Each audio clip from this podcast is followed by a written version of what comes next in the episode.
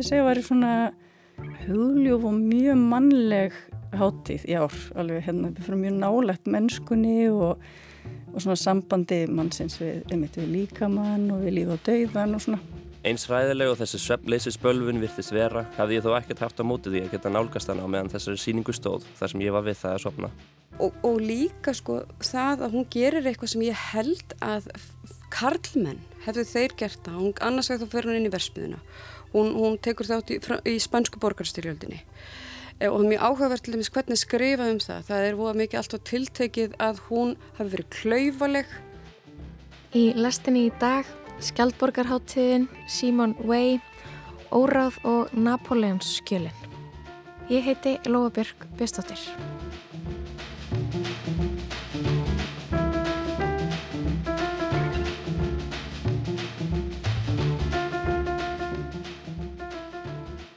Björnstóttir. Föstu daginn næsta verður Skjaldborgarháttiðin sett í Skjaldborgar bíói á Patræksferði. Karna Sigurðardóttir, einn skipulegjanda háttíðarinnar, segir frá því sem er á dagskrá á háttíð íslenskra heimildamönda í ár. Kolbeinn Rastrik fór í bíó og tvær myndir í röð, tvær nýlegar íslenskar kvikmyndir sem takast á við Hollywood myndaformúluna. Hasar og spennumyndina Napoleonskjölin í leikstjórn Óskars Þors Axelssonar og Hrollvekina Óráð í leikstjórn Arró Stefánssonar. Simone Weil var rótækur heimsbyggingur, dölsbyggingur, aðgerðarsinni og raunar ímislegt fleira. Við skoðum líf hennar og skrif nánar í þætti dagsins.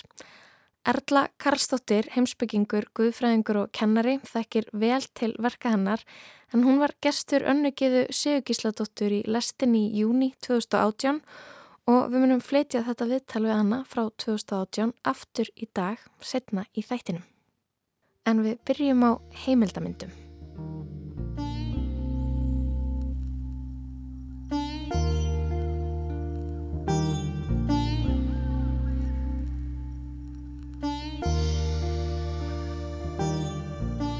Næsta förstu dag verður heimildamindaháttiðin Skjaldborg sett í Skjaldborgarbíói á Patræksfjörði og hingaði lestina er komin einn skipulegjanda háttiðarinnar Karna Seyradóttir. Verður velkomin. Takk fyrir.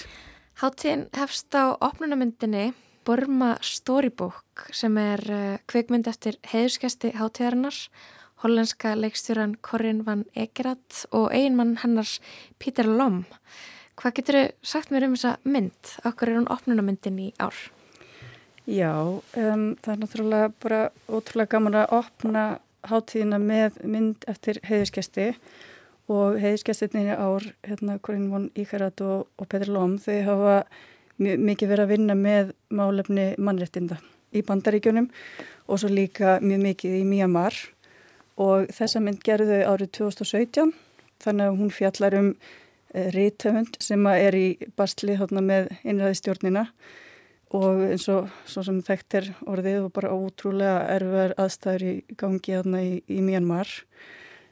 Og myndir svona fjallar um hvort að, pennin sé mjög hefðilega hérna, sterkar af opnin en sverðið. Eh, en fjölskyldu aðstæðir hans er mjög, mjög floknar og, og hérna svonur hans hérna í útlegð já þannig að bara alveg ótrúlega erfitt ástand þarna í Myanmar sem er bara eitthvað sem eru að gerast hér og nú. Ngā makom jöðið og að sjanna ngā nikuma kapjasi að djápa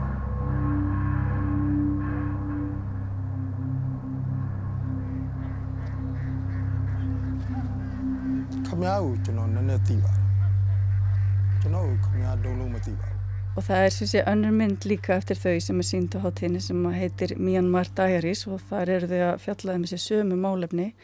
Þar eru þau að vinna aðeins öðruvísi þar vinnaðu með heimafólki. Þar er, er sem sé alveg ungt uh, kvikmyndakjara fólk í Myanmar sem er að mynda efnið og þau setja saman í, í heimildamynd. Það er þetta mjög bara sannlega átakanleg mynd en líka opnar augumanni manns fyrir bara því sem er að gerast eh, í heiminum þannig í þessu landi og uh, svona líka kannski veldur eins upp spurningunni um, um sem að heimilda mynda fólki nú tamt að, að spyrja sig sko hver, hver segi söguna, hver má segja söguna og hver getur sagt söguna mm. og það er til dæmis þetta hollandska par eða par sem hérna, staðsett í Hollandi að þau eru, hérna, eru skráðir sem höfundar eða, eða Myanmar Film Collective eins og þau kallaða e, að þessari mynd sem er samt í rauninni eftir kveikmyndagira fólki í Myanmar sem langar að segja sögu sína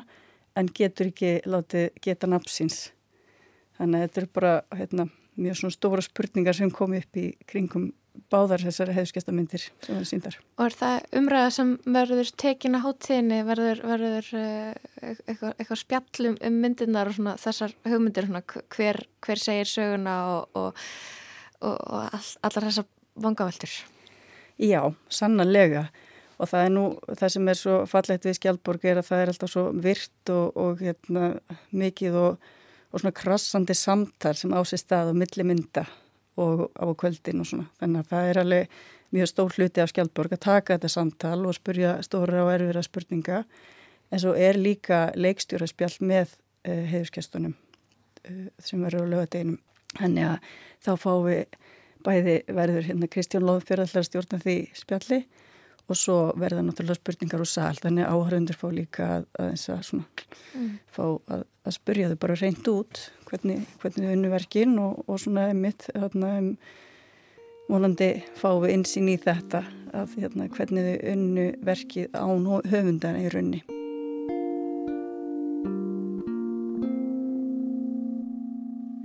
Já, þau hafa í rauninni bara alveg verið að vinna á sviði mannettinda og eins og ég segi þau gerur til dæmis mynd sem að fjallar um uh, svona kirkjulegt uh, eldhús uh, sem er í bóði fyrir fólk sem þess þarnast um, í bandarækjunum og svo þarna þessum myndir í Myanmar. Núna eru þau að vinna að mynd í Nýjasálandi sem að fjallar um fanga nú í Anna sem að er að hljóta, hljóta sem mannréttindi. og það er þetta hérna, annars eðlis en samt hérna, innan þessa, þessa ramma og ég þekki nú ágætla til í Nýjasólandi, ég bjóð þar og þekki aðeins svona samband eh, nýsjólendinga og þá helst kannski mára við eh, náttúruna og það er alveg margt sem hættir að læra þaðan. Mm -hmm. Þau eru heiðuskestunir og eru að gera heimildamindir um henn ímsu mannréttindamál en verður það eitthvað þema háttíðinni ári eða hvernig verður dagskráin? Já, það er náttúrulega, það eru kannski svona einhverjir töfrar skjálborgar sem eru nú, hérna, það er alltaf svona töfraduft hérna sáldraði yfir þessa háttíð og hverja ári Uh, ótrúlega einhvern veginn að fylgjast með því og það er bara eins og það gerist hérna, það sé eitthvað svona í eternum sko að vinna með okkur En auðvitað myndirnar uh, úr öllum áttum og ótrúlega gaman að sjá enn eitt árið að það er bara svo mikil fjölbreytileiki í myndunum, í intækinu og um, bara efnistökunum og bara hérna, líka aðferðunum sem fólk er að beita. Það eru þó nokkuð af myndum í ár sem eru snerta á viðkvæmum málefnum. Um, það er til dæmis myndum um, hérna barnsmissi, vinamissi, um sjúkdóma, svolítið svona um hérna, líkamann, við erum líka með karakterportrétt og svo erum við með hérna, hugljóamyndum um hérna, eina barnið sem eftir er í Grímsei, allavega eins og staðin í dag. En svo er líka ótrúlega svona kýmnar og skemmt skemmtilegar myndir og saman einhvern veginn þá verður þetta svo góð koktil. Þannig ég myndi segja að það er svona hugljúf og mjög mannleg hátíð í ár. Alveg hérna við fyrir mjög nálegt mennskunni og, og svona sambandi mannsins við, einmitt við líkamann og við líf og dauðan og svona aðeins við elementin líka. Það er hérna tekist á við hafið og, og fleiri þætti. Ég veit eh, og heimildamindin Sovjet Barbara uh, í leikstjórn Gaugs Úlfarssonar uh, saga Ragnars Kjartanssonar í, í Moskvu. Það er loka, loka myndin í ár myndin sem lokar hátíðinni. Já, það verður síðasta myndin sem er sínd á sundarskvöldi Eh, áður en að áhörendur ganga fylgtu leiði í skúragöngu í félagseimilið og, og það er velunafending og limbókeppni og, og hérna og parti. Já, það er bara alveg ótrúlega gaman að fá einhvern veginn allar myndirnar inn og það er þarna þrjár myndir í fullri lengt á þessar hátíð og einu þeirra fjallar um þetta umfangsumikla verkefni Ragnars Kjartarssonar hann á tíma Moskvi. We are uh, both uh, hudosniki, kuratori, Ingebjörg, Ragnar. Aksjóni. Vissi þetta væri kannski móralst ekkert mjög rétt en listrænt rétt. You really feel the state and it's a bit scary. Yes, it's a law. It's the law. And then you see there's one that's not turned on. There was sexual scene. Whole thing will be shut down. Ég geti, þú veist, tekið eitthvað klikka fætt, sko, og ég bara nefnið ekki. Oh, it's happening. Are you in contact with Russian artists making political art, not raising the official point of view? Ég kemur stundum svolítið í svoleið situasjónir. I was taking my friend around the exhibition, Massive from Pussy Riot. Það sem að mórallin er flókin. Aðra myndir í fullri lengd eru uh, verk sem heitir Heimaleikurinn og er mjög svona, skemmtileg samfélagsmynd uh, á Snæfellsnesi um hérna fókbóltavöll og, og fókbóltaleik en í rauninni kannski bara meira nokkuð annað um, um samfélag og um samstöðu. Og hérna svo er það myndin skuld sem fjallar um par sem að uh, hættir fjárhægi sínum og, og hérna ostasambandi og fer að gera út trillu. Og hérna myndir er mjög mikið tekjun út að sjó og svona er á bryggju. Mjög skemmtilega, já þetta er alveg ótrúlega hérna skemmtilegar og, og og svona, já, svona kymnar en, en hérna mjög svona sterkar myndir. Mm. Þú varst að tala hérna um, áður við byrjuðum um við aðkomu kveikmyndasapsins. Já, við erum með sko tvo, hérna tvo viðbyrði í ár sem að kveikmyndasapni kemur að og mjö, hefur mjög skemmtilegt og gott samstarf við kveikmyndasapni í gegnum árin. Skjálp, samstarf skjálpurkar og kveikmyndasapnis hefur verið mjög gjöfult og, og skemmtilegt í gegnum árin. Uh, við erum með bæði myndina Bonda eftir Þorstein Jónsson sem að kveikmyndasafni hefur verið að endurgera og Þorstein Jónsson var fyrsti heiðiskestur Skjaldborgar 2007 þannig að það er ótrúlega ánægilegt að fá hann í Áskjaldborg og hann ætlar að vera með e, spurt og svarað e, í, á eftir myndinni lokið þarna á lögadeginum Um, og svo verður líka að sending svona, sögustund í opnunapartíinu þar sem við fáum smá sendingu frá að vefnum Ísland á filmu sem að varum kynntur uh, á Skjaldborgi fyrra og ótrúlega margt hérna, gott efni þar. mm. veit, uh, það, var, það er skemmtilega helgi framöndan á Patræksferði. Hver er þú spendist fyrir? Ég er spendist fyrir samverðinni, fyrir að vera saman á Patræksferði með þessum, þessum frábæru fólki uh, eiga samtalið og bara vera saman. Og það er oft sem að samstarf hefst á skjaldborg uh, stundum eru hérna, myndir einhvern veginn þeir eru teknar upp aftur eða, eða, eða lengdar eða verkefni verði einhvern veginn stærri eða meiri eftir samtal sem verður til á skjaldborg. Og það er hérna, krafturinn í skjaldborg og, og kjarnin fyrir mér. Og það er það sem ég er spenntist fyrir. Frábært, uh, góða skemmtun gleðilega háttíð og takk fyrir komuna í Lestina Karna. Takk hjá það fyrir. What a thing to admit But when someone looks at me with real love I don't like it very much Kinda makes me feel like I'm being crushed Is this something you would like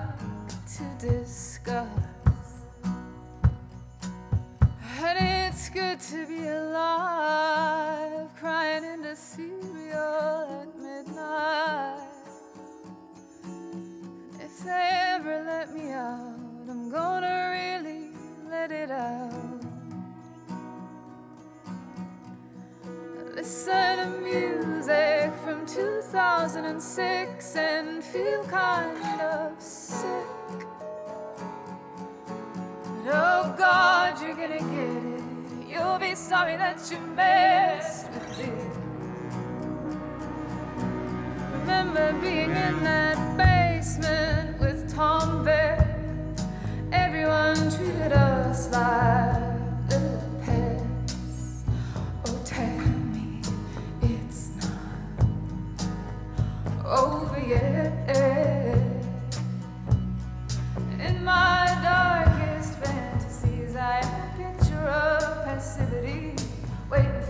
sound of stage, suppressing all my private rage. But as my sister said, I'd probably last six days.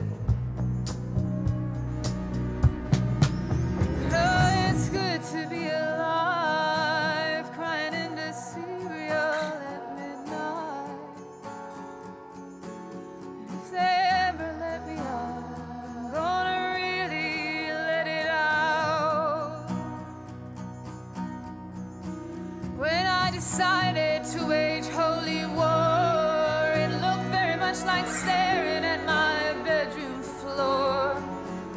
Oh God, you're gonna get it. You'll be sorry that you messed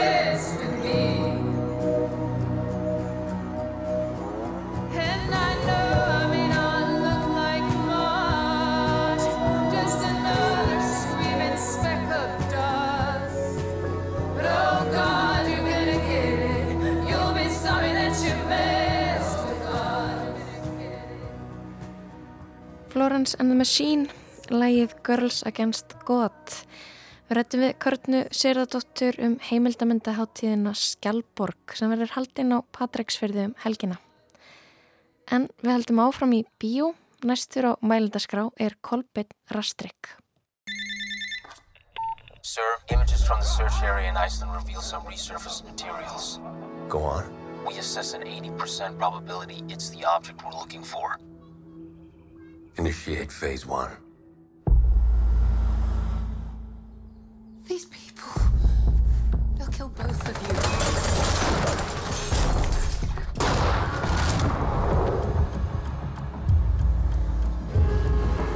Er Rýmer? Já, hvað ertu? Ég? Rétt austan við heimörk. Það er ekkert nýtt að íslenskar myndir taki á Hollywood-formúlunni en það er þó sjaldan sem það tekst eins vel og ætlastu til. Ég ákvað því á rólegum fymtudegi að kíkja á tvær íslenskar kvikmyndir í röð sem virtust vera að reyna við þessa formúlu. Önnur hasar og spennutillir en hinn hrollvekja. Hasarmyndin er Napoleonskjölin í leikstjórn Óskars Þórs Axelssonar sem byggðir á samnefndri bók Arnaldar Indriðasonar. Hún er þriðja bók Arnaldar og kom upprunnilega út 1999 en hún er aðtöklisverða því leiti að hún tilir ekki Nordic Noir bókmyndagreininni sem Arnaldur er frægustur fyrir að skrifa innan. Sittni myndin var óráð í leikstjórn Arrós Stefánssonar en hún er byggð á handiti leikstjórnans og er fyrsta myndin í fullri lengt sem að Arró leikstýrir. Fyrri myndin Napoleonskjölin hefst á því að Elias, ungur maður sem leikin er á Alla Óskari fjallarsinni og vinir hans reykast á gamalt flugvilaflag í snjóslega ferð á vatnajökli. Þeir vita af mæta viðnindir bandariskum hermunum hjá flaginu og eru allir drefnir fyrir utan Elias sem kemst undan á snjósleðanum sínum. Í ljós kemur á flagi tengist henni leynilug Napoleons aðgerð í setna stríði og bandaríkjaman verðast svífast einskist til þess að haldinni leyndri.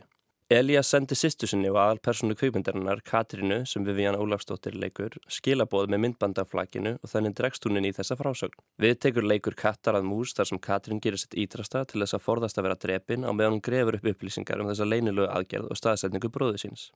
Napoleon skjölin er mjög í anda Hollywood en það búðar sjaldan gott þegar íslenskar myndir reyna að leika eftir sjónarspil bandarísku kvikmyndamaskinunar. What's the update? Initial search reveals no trace of Napoleon. I want to know everything about Kirsten Johanna's daughter and this professor.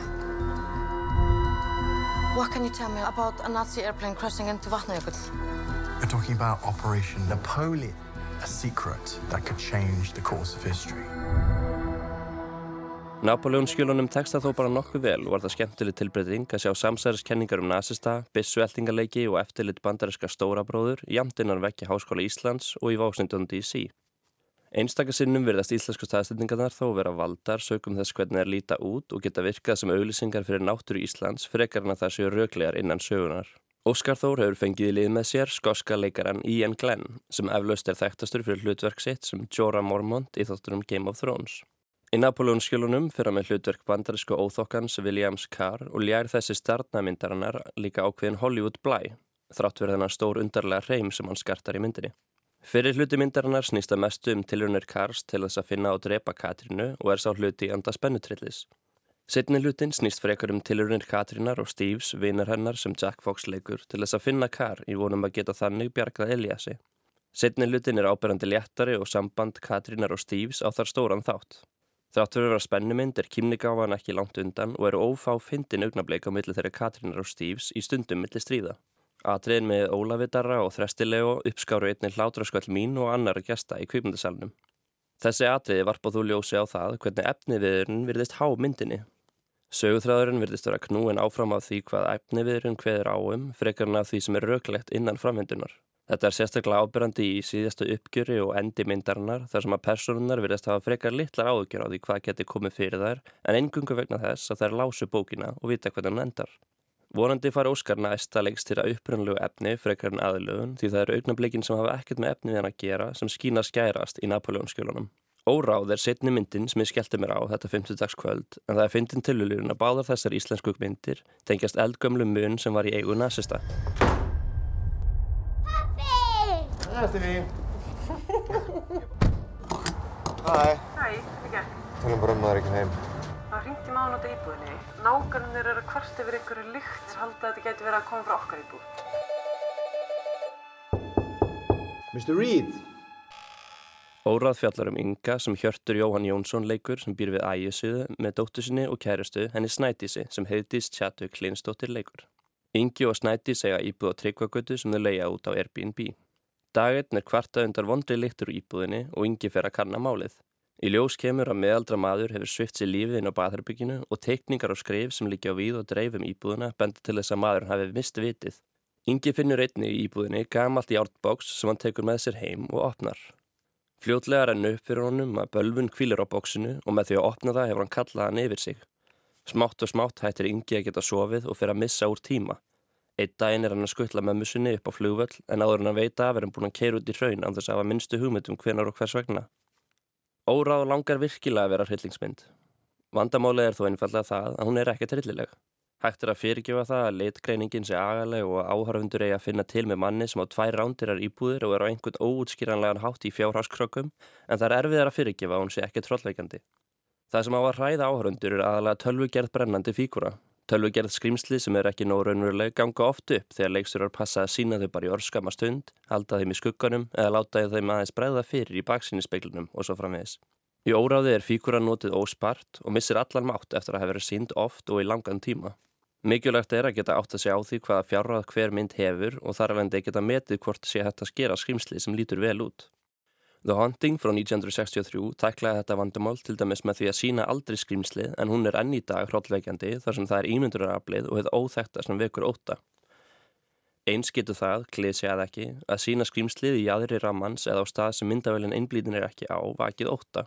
Á meðan ég horfið á óráð byrjaði ég varkárlega að leitað einhverju hryllilög á þessum jæðri sjónarhóts myndalarinnar eftir ógninni sem ásóttu um ekki ynga en þegar leið á myndina gafst ég upp því það skilaði ekki neinu. Allt sem á að vekja óta er áhöröndum sínt og hátt sem passar að þeir missi ekki af því. Í stað þess að spila með hryllíksmyndahefðir eða snú upp á væntingar áhörönda gengur sagan frá punkti A til B eins og áhöröndur myndir búast við. Það er sérstaklega mikil synd í ljósið þess að snemma í myndinni er atriðið sem verður gefa til kynna að það sé eitthvað skrítnar eða fáránlegar að fara að gerast. Það er atriðið þegar yngi ræður reyngetningaþjónustu til þess að þrýfa leigu íbúðuna eftir líkfundin. Snædís segir honum frá símtali við eigandar reyngetningafyrirtækisins og lýsir því með áhyggjusvip hvað hann hefði hljómað spenntur að þrýfa þetta. Þegar yngi hittilóks mannin er þetta engin annar en grínistinn Steindi Junior og þegar inn í íbúðin er komið verðist atriðin er klift úr gömlum sketsaþætti með Steinda. Það fer þó ekkert lengra og í staðin heldur myndin áfram í sama venjubundna fari. Tilefni er þó til að rósa samtölum ynga og snætisar sérstaklega þar sem þau eru einn raunverulegustu og náttúrulegustu samtöl sem ég hef séð í íslenskum kvikmyndum. Eins ræðileg og þessi svefnleysi spölvun virtist vera hafði ég þó ekkert haft á móti því að geta nálgast hana á meðan þessari síningu stóð þar sem ég var við það að sopna. Í þessari bíóferð kom í ljós að Hollywood-formúlan er ennþá eitthvað sem íslensk kvikmyndi gerað fólk verið spendi verið að tækla. Þó það tækist misvel er þó greinilega ekki öll von úti. Hver veit, kannski verður næsta íslenska kvikmynd um gömul lindamál nazista skotheld. Ég var að týna blóm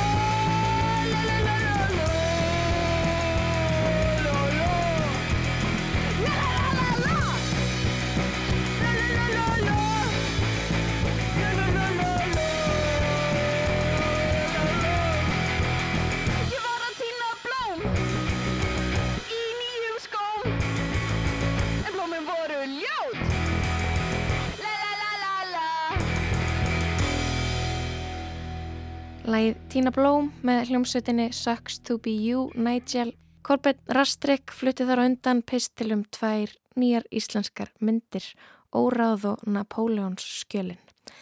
En við ætlum að heyra næstum franska heimsbyggingin Simone Weil viðtal við Erlu Karlsdóttur sem Anna Gíða Sigurgísladóttir tók í lestinni sumarið 2018.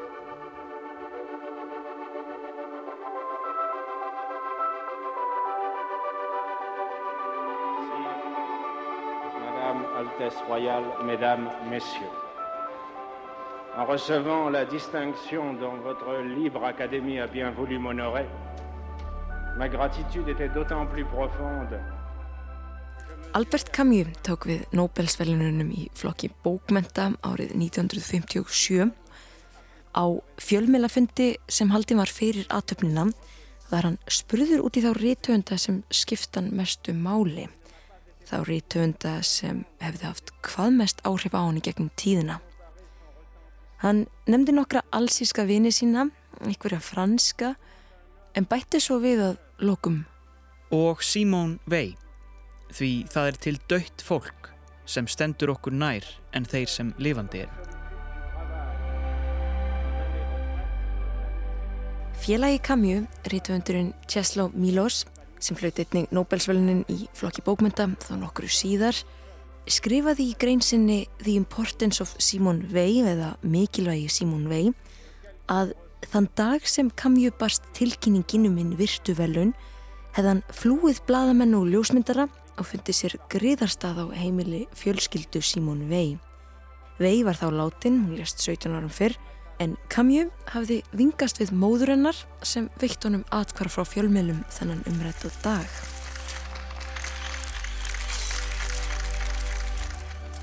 Camus var þá 44 ára gamall og grunnaði líklega ekki að hann ætti aðeins eftir þrjú ár eða svo ólifuð og dægið þar með langt fyrir aldur fram. Ekki ósvipað áhrifavaldi hans Simon Weil sem lést aðeins 34 ára gömul.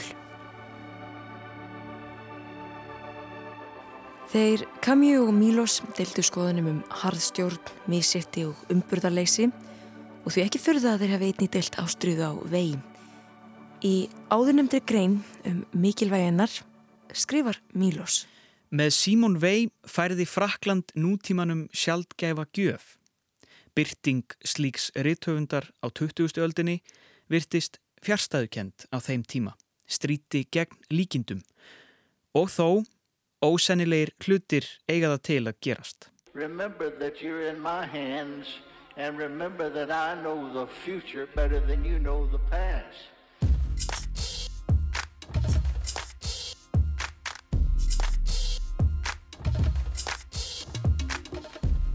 Simon Weil var rótækur heimsbyggingur, dulsbyggingur, aðgerðarsinni og raunar ímislegt leira. Hún skrifaði um stjórnmál, um ílsku, guðfræði, mannlegt eðli, hún skrifaði um réttlæti, mísmunun, misrétti og margt annað sem við segjum frá hér á næstu 20 mínutunum. Rauði þráðurinn í skrifumennar er þó líklega jöfnudur réttlæti og leitinn að hugmyndafræði í félagslegu kerfi eða samfélagslegum struktúr sem þjónar sem flestum og á sem sanngjarnastan máta.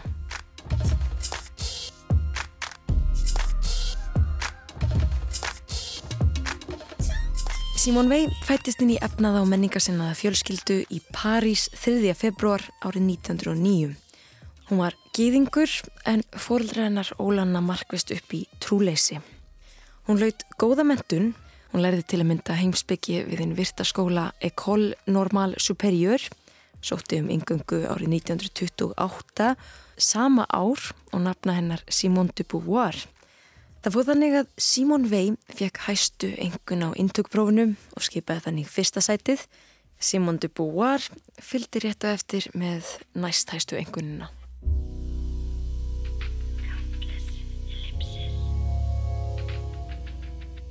Lífslöp Weil, kenningar hennar og sérviska áttu eftir að greinana frá flestum samfæðumennum hennar. Þar með talið Sartre og Beauvoir. Erla Karlsdóttir, heimsbyggingur, guðfræðingur og kennari þekkir vel til verka Simon Weil. Við rættum saman um fræðikonuna.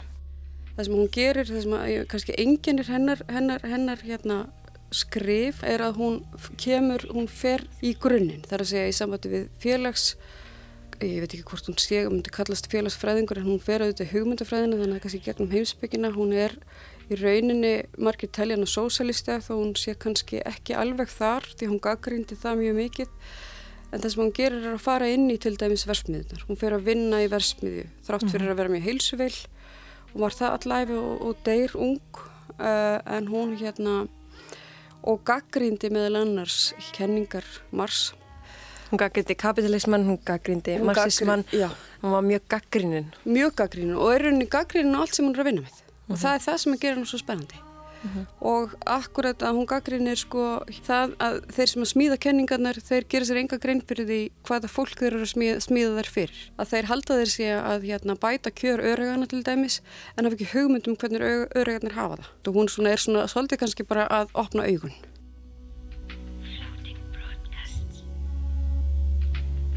Simone Weil dró flest allt í Eva. Hún setti spurningamerki við rótgróna siði og reglur. Það verður því seintægt að bera breyður á gaggrina hugsun fræðikonunar. Vei sætti sig sem sé ekki við að við tækjum grunnstóðum samfélagsins sem gefnum til viðbótaðar því sem Erla nefndi áðan þá gaggrindi vei ennfremur fyrirbæri og hugmyndafræði á bara við líðræði, flokkapólitík, þjóðarni, frið, stríð, trúabrögð og svo lengi má telja. Í greinsinni On the Abolition of All Political Parties eða um afnám stjórnmálaflokka skrifar hún til dæmis þetta hér. Stjórnmálaflokkum var komið á fót meðal Evrópulanda að hluta til til að spórna gegn allræði og að hluta til vegna breskrar hefðar. Tilvist stjórnmálaflokka ein og sér er ekki nægileg ástæða til að varðveita þá. Eina lögmeta ástæðan fyrir því að vernda nokkurt skapaðan hlut er gæska þeirra. Böl stjórnmálaflokka er einum og mikið og því ætti verkefni okkar í dag að vera að spyrja er digð þeirra nógu mikil til að bæta upp fyrir mein þeirra og gera vendun þeirra æskilega. Um haminguna skrifa hún einhver tíman í minnisbækur sínar þetta hér. Við lifum í þeirri blekkingu að hamingjan sé skilirislust eða mikilvægasta í lífinu. Til frekari útskýringar tók hún dæmi og skrifar Ef einhver segist vilja vera ríkur þá spyr félagi hans en hvers vegna viltu verða ríkur? Gera peningar þig hamingjusamari? En ef einhver hins vegar segist vilja verða hamingjusamur þá er ekki mjög líklegt að sá hins sami sé spurður frekar út í það. Það er ekki líklegt að spurt sé en hvers vegna viltu verða hamingjusamur? Simon Weil förða sig þarna á því að fólk óski sér hamingju án frekari ástæðna, án frekari raukstunings. Það er eitt orð, eitt hugtak sem veilegur sérstaka áherslu á í tekstum sínum og vilja sem er meina að það skipti sköpum að þekkja það til þess að höfundaverkanar verði skilið til fulls. Þetta er orðið attention sem því það mætti eftir vil sem eftirtækt eða aðtikli En það er þó ekki svo merking sem hún leggur í hugtakið. Í hennar huga merkir attention ákveðið ástand þar sem þú stýgur út úr viðteknum hlutverkiðinum, þú stýgur út úr þeim reglufestu hugrenningum sem fylgja hverstakslegu lífi og út úr þeim fjölmörgu hlutverkum sem þeim fylgja. Þar með talið hlutverk þess sem gumgæfir, þar að segja skoðandans, og hlutverk þess sem gumgæft er. Attention félur í sér að aðskilja viðteknar hugsanir ónþess þó að glata þeim. Vei skrifar, þetta er líkt og maður sem stendur á fjálstindi. Er hann horfir fram á við, sér hann skólendið og slétturnar sem fyrir neðan hann liggja, ónþess þó að horfa beint á þær. Það sem skiptir mestumáli, skrifar hún síðan, er að hugurinn sækist ekki eftir neinu, heldur býði eftir því að blákaldur sannleikurinn berist að. Skakkar þýðingar, ránglæti, fáránlegar villur í starfræðiþrutum, klauvaleg stílbröð og ófullkomna tengingar á milli hugmynda. Allt þetta má reykja til þess að hugurinn grýpur hugsunarlaust dauðahaldi í ykkur hugmynd og lokar þannig á sannleikan. Þessar pælingarinnar um attention minna vissulega á ímislegt og þar með talið núvitundar á hugleislu hugmyndir en fyrir veil fól þetta hugtak, þetta hugtak attention að mestuleiti í sér leitina að sannleikanum. Hún gerði sér grein fyrir því að við byggjum öll yfir ómeðvitaður hlutregni og ómeðvitaðum viðmöðum En attention var sérst leið hennar til þess að yfirgefa eigin skinnjun og þannig meðtaka heiminn á hreitni og sangjarnari máta. Attention var meira en valkostur fyrir henni. Hún sá þetta sem ákveðna grundvallar skildu. Vegna þess að umrætt eftirtækt, Attention, gróf undan fordómum og gaf betri kost á að setja sig í spór annara. Eins og Erla nefndi á þann, þá var ekki aðeins nóg fyrir fræðikonin að lesa sér til um aðstæður annara, heldur vild hún reyna þér sjálf.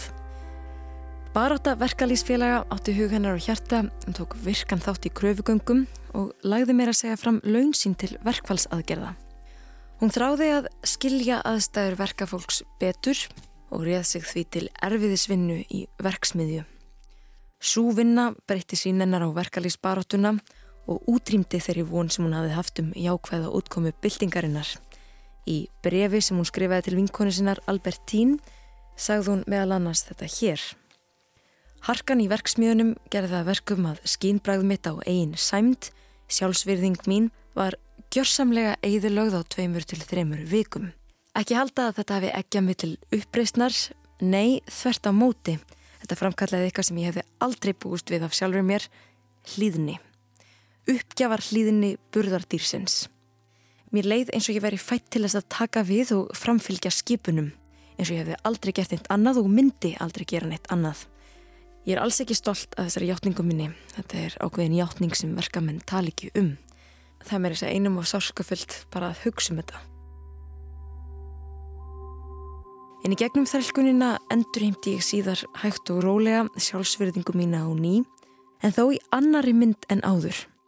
Þetta var sjálfsverðing sem reyti sér ekki á neitt utan sjálfverðar mín og það fylgdi ávalt svo hugsun að ég ætti ekki rétt á neinu. Og ef ég uppliði augnablík án niðurlægingar og þjáningar þá var slíkt ákveðin velvild eða jafnvel hrein lukka.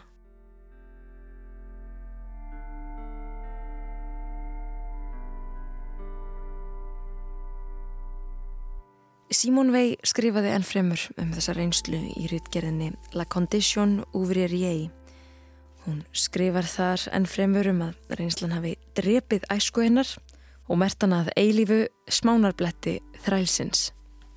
Hún misti trúna á að verkamenn getu sjálfur barist fyrir réttundum sínum og las greinar fræðimanna þess tíma með svart síni þar sem hún taldi þær fjárstæðukendar og taldi fræðimenn ofmeta baráttu verkalýðsins verulega.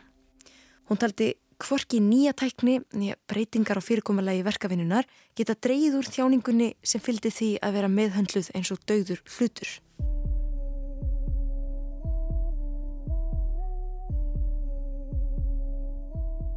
Hún aði þarna stíðfætin í heim sem var afar ólíkur fræðaheiminum innan dýra Sorbonne, akademísku miðstjættarinnar, Það var ólíkur heimi og veruleika valdamanna og stórlagsa í París sem litu jafna niður á verkafólk og baratu fólkið innan verkalýsreifingarinnar. Hún hafði stíð fætiðin í veruleika sem ekki var hægt að skilja nema að reyna á einn skinni og því ekki skrítið að hún hafi oft á tíðum gaggrínt heimsbyggilegar pælingar í missa samferðamanna sinna. Simón de Beauvoir laði til að mynda til að megin verkefnið í lífinum væri ekki að fólk fyndi hamingju heldur að það kæmist að ástæðu tilvistar sinnar. Símón Vei svaraði hugmynd hennar þannig að það veri auðsjánlegt að hún hefði aldrei verið svöng.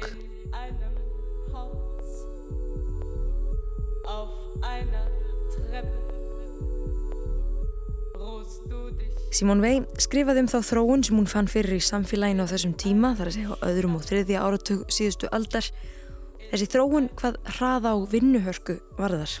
Henni fannst hraðin meira í hávegum hafður en merking. Launin komin í staðin fyrir raunina eða raunveruleikan og eins og orð hennar hafi verið þýtt það verði eitthvað einn svona salaries for realities. Ef ekkert okkar er tilbúið að deyja fyrir frelsið þá munum við öll deyja undir harðstjórn Svo hljóðar 20. kaplinn í bók Timothy Snyders um harðstjórnina, bók sem að lestin skoðaði fyrir ekki svo löngu, en það er nýlega komin út í íslenskri þýðingu Guðmundar Andra Tórssonar. Yfirskrift kaplans er þessi hér, verið eins hugrökk og þið getið. Og mér finnst kaplinn eiga einstaklega vel við Simon Vei, sem verðist að lifa lífið sínu fremur á borði en í orði. Stuttu eftir reynsluna í verksmiðinni skall spænska borgarastyrildin á. Simón Vei fór auðvitað til Barcelona og gekk til liðs við hermen anarkísku liðsfylkingarinnar Colonna Durruti. Ef hún ætlaði sér að skilja stríðið þá var hún að vera hluta af því. Eftir nokkru manna dvöl á spáni slasaðist hún og snýri aftur til Fraklands. Allt hafði þetta þó áhrif á skrifinnar næstu árin sem því miður urðu ekki mjög mörg því hún dó árið 1943 og eins og áður sagði ekki nema 34 ára gömul. Ég spurði Erlu Karlsóttur hvað í speki vei hafði haft mest áhrif á hana. Hún nefndi trúarleg skrif fræðikonunnar og þess má geta að það var ekki fyrir ná síðar hluta fjórða áratögarins sem að vei fór að huga að guðfræði og trúabröðum og sjálfsögðu eins og með allt annað á afar óheðbundin máta. Það sem hafði mest áhrif á mig þegar ég fór að skoða hennar verk er, og hennar líf því þetta, þetta er, er samtfinnað að það myndi ég segja annars vegar þessi gaggrinni sem að skiptir máli á, hérna, á þessar stefnu sem að tengjast hérna, verkaliðnum til dæmis. En svo finnst mér líka sem sko guðfræðingi í grunninn mjög áhugaverðar kenningarinnar um hérna í, í guðfræðinni því að hún verðist vera mjög trúið sem er áhugavert uh, út frá því að hún í rauninni ákveður að taka aldrei skýrn en hún hérna setur fram þessa kenningu sem er, er einmitt titill á einni bókinar sem er, er Gravity and Grace sem hefur verið þýtt sem þungamiði á náð en ég myndi segja kannski frekar hún ætti að því það aðdráttar á náð vegna þess að þetta snýst um svona pælingar sem að snúast um þú veist e, ákveðna tegund af guðfræði þar sem að þú getur ekki að því gert að þú syndgir, þú veist að þú gerir það sem þú gerir því þú ert manniska en Guð kemur inn í sem einhvers konar e, náð og að rauninni líka það að þú getur aldrei kynst Guði eða einhverju æðra nema í gegnum náttúruna, í gegnum manniskur, í gegnum fegurðina, í gegnum eitthvað annað. Þú farið aldrei þess að beina, uh, það er aldrei beintenging. Þetta er eitthvað sem mér finnst áhugavert, mörgum finnst Guðfræði bara ekkert áhugavert en mér finnst hún alveg greiðlega áhugavert. En, en, en er algengt að heimsbyggi og Guðfræði blandið saman? Alls ekki. Og það er það sem að líka sýst eftir, það sem að minnir, minnir mig, sýst, hún minnir mig svolítið á kirkigór, Söru kirkigór sem er danskur hinsbyggingur sem ég hef líka unnið með. Og hann nefnilega er og svolítið áhugavert að hann er svolítið svipum stað og hún með trúna. Að hann sko taldi að þetta voru þrjú stig að, að, að, að hérna aðsta stíð til þess að væri, væri trú.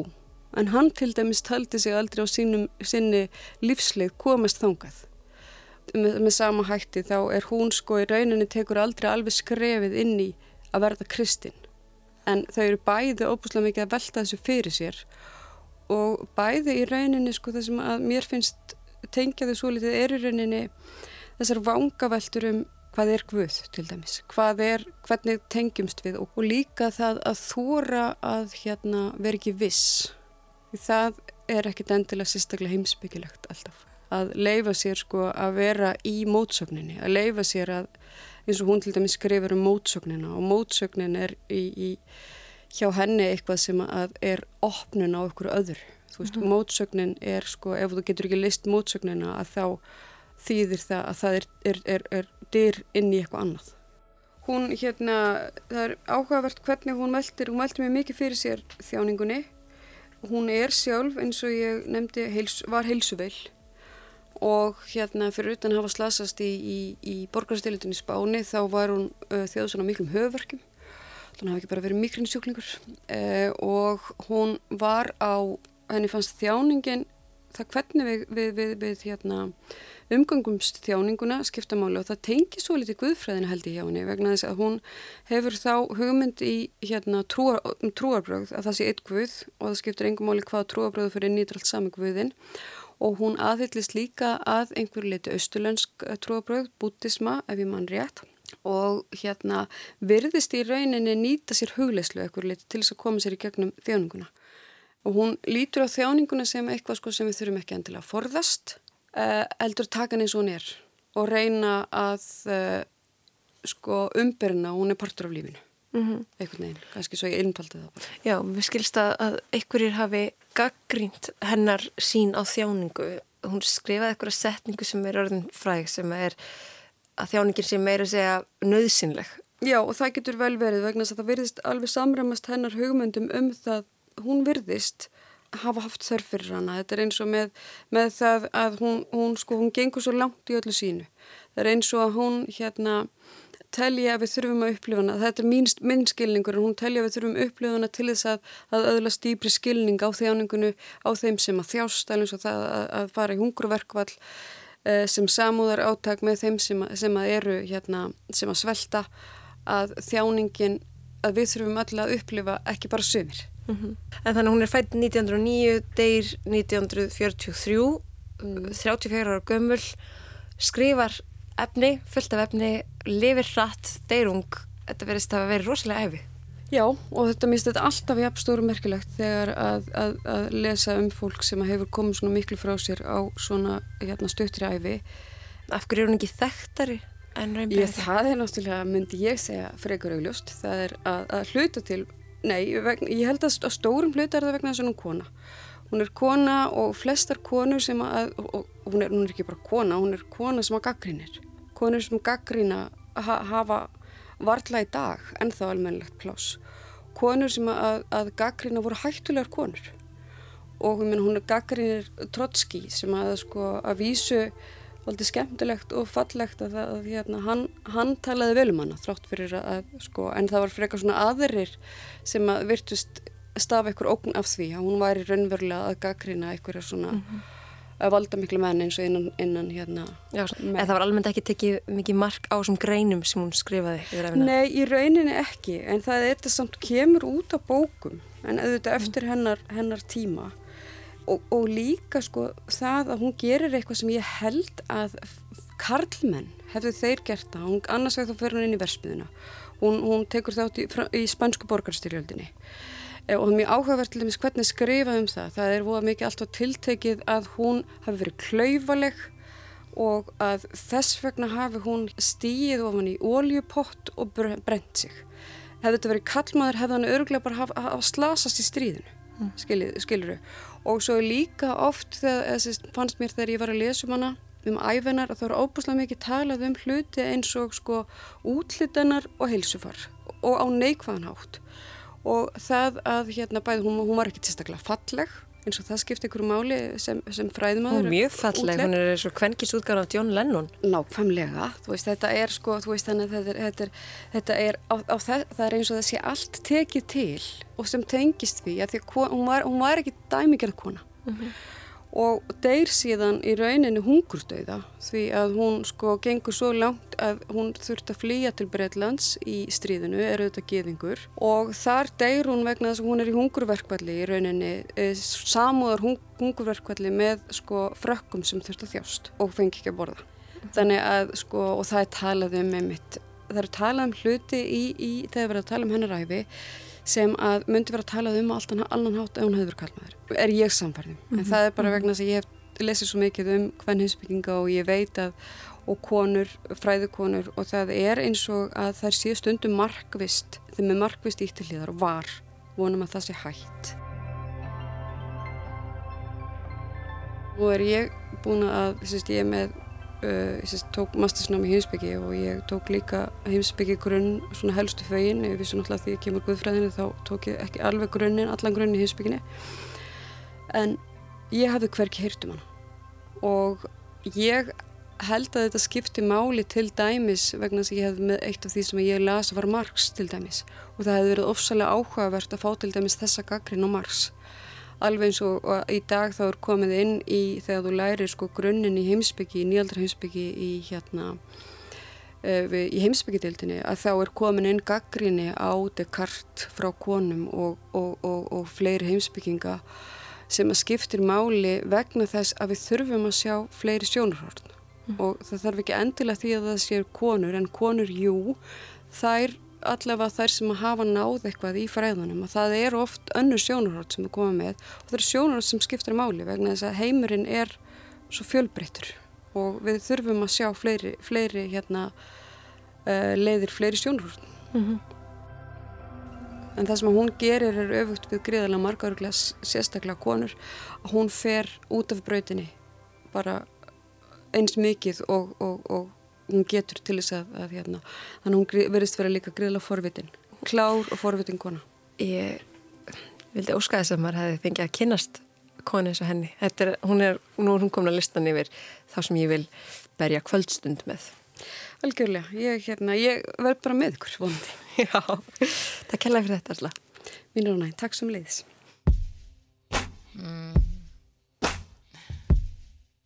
Ain't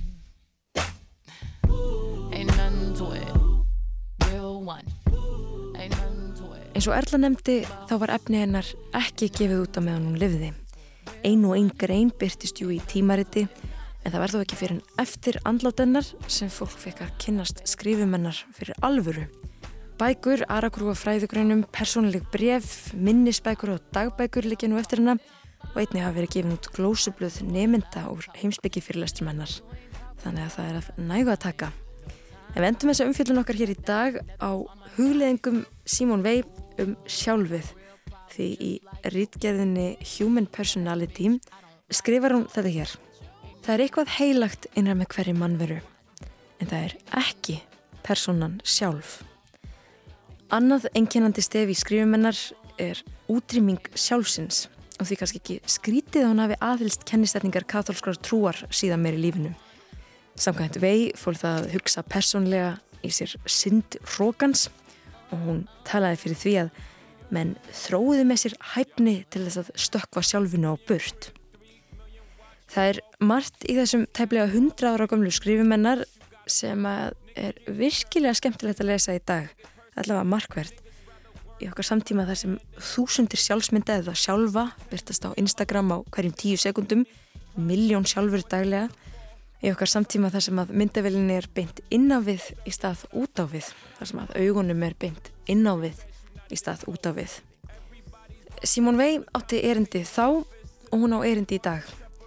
Óeigingjött sín hennar á réttleiti og þrótlaus leit hennar að bættir samfélagsskipan sem þjónar fleirum gerir það að verkum að hún hefur lotið eins konar stöðu nútíma dýrlings Skaldið T.S. Eliot er meðal þeirra fjölmörgu sem hafa haldið upp á fræðikonuna og eiga þátti að halda heiðri hennar og minningu á lofti. Hann líst henni sem eins konar snillingi í ætt við dýrlinga.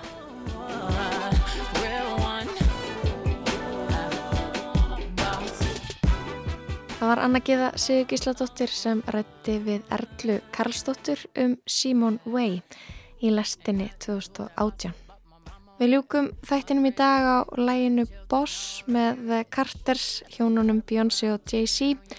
Þátturinn er aftur á dagskrá á sama tíma á morgun, þangu til, verið sæl.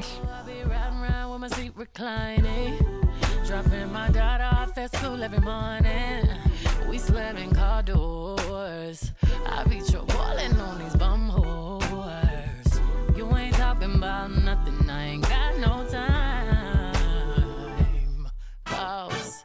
Chill, tell them cats they gotta relax. Toes in the sand, mama getting fast Snack, nothing to it.